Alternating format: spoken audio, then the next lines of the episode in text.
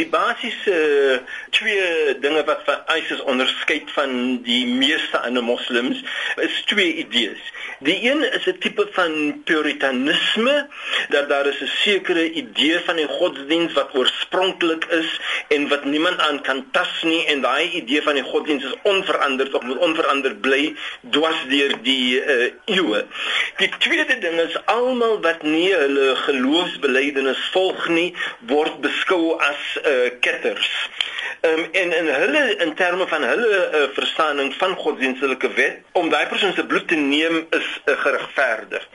So dit is die basiese ideologie om 'n islamitiese staat ter stapel te stuur gevind op die idee van hoe dinge was in die 6de eeu in die profeet se tyd. Streef ISIS na 'n ideale einde. Beslis. Hulle glo wel dat ons in die laaste tyd leef en dat hulle is 'n deel van die ontwikkelinge wat in die laaste tyd gaan uh, plaasvind. Dis 'n idee wat moslems in algemeen het, veral met Christene, maar hierdie dag gaan aangekondig word deur die koms van 'n persoon wat in sunnitiese um, geloofsbelijdenis bekend is as die Mahdi. En die Mahdi en sy mense gaan in 'n groot oorlog vind in 'n dorp in Sirië in die dorp van Dabik wat tans in die hande van uh, ISIS is. En tussen die Romeine en die volgelinge van die die Mahdi. Die Romeine word vertolk as die wit mense, as blankes, as die wes. Dit is onverwendbaar dat die Romeine gaan kom so die, die bombardering en die die die inmenging van die wes pas wel in by ISIS se idee van die laaste tyd. Is die Mahdi 'n messiaanse figuur? Daar is twee figure wat gaan kom in die laaste dag volgens Sunnitiese Islam. En die Mahdi is 'n messiatiese figuur en die met sy koms na sy koms 'n tipe van in Christendom 'n tipe van John the Baptist uh, figuur.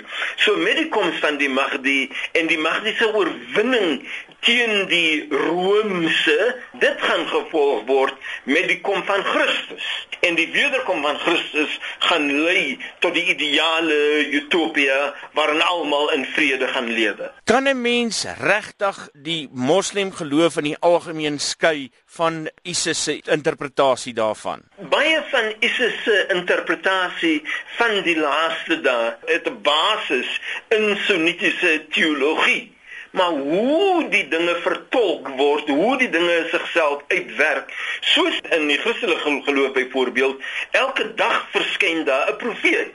Ehm um, daar is al duisende mahdis verskyn in die moslimwêreld.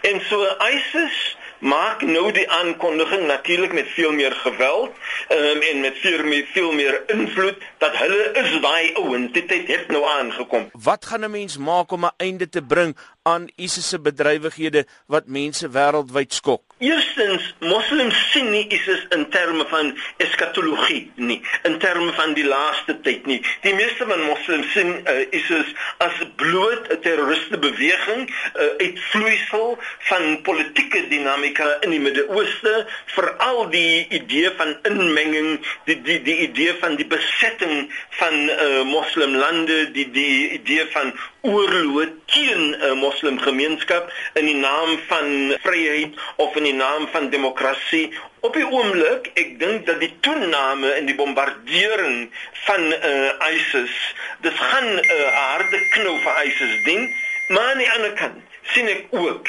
dat baie romantiese verdwaalde jong moslime van verskillende dele van die wêreld kan ook nou toename wees van daai tipe van ou wat hulle wegsoek na die Midde-Ooste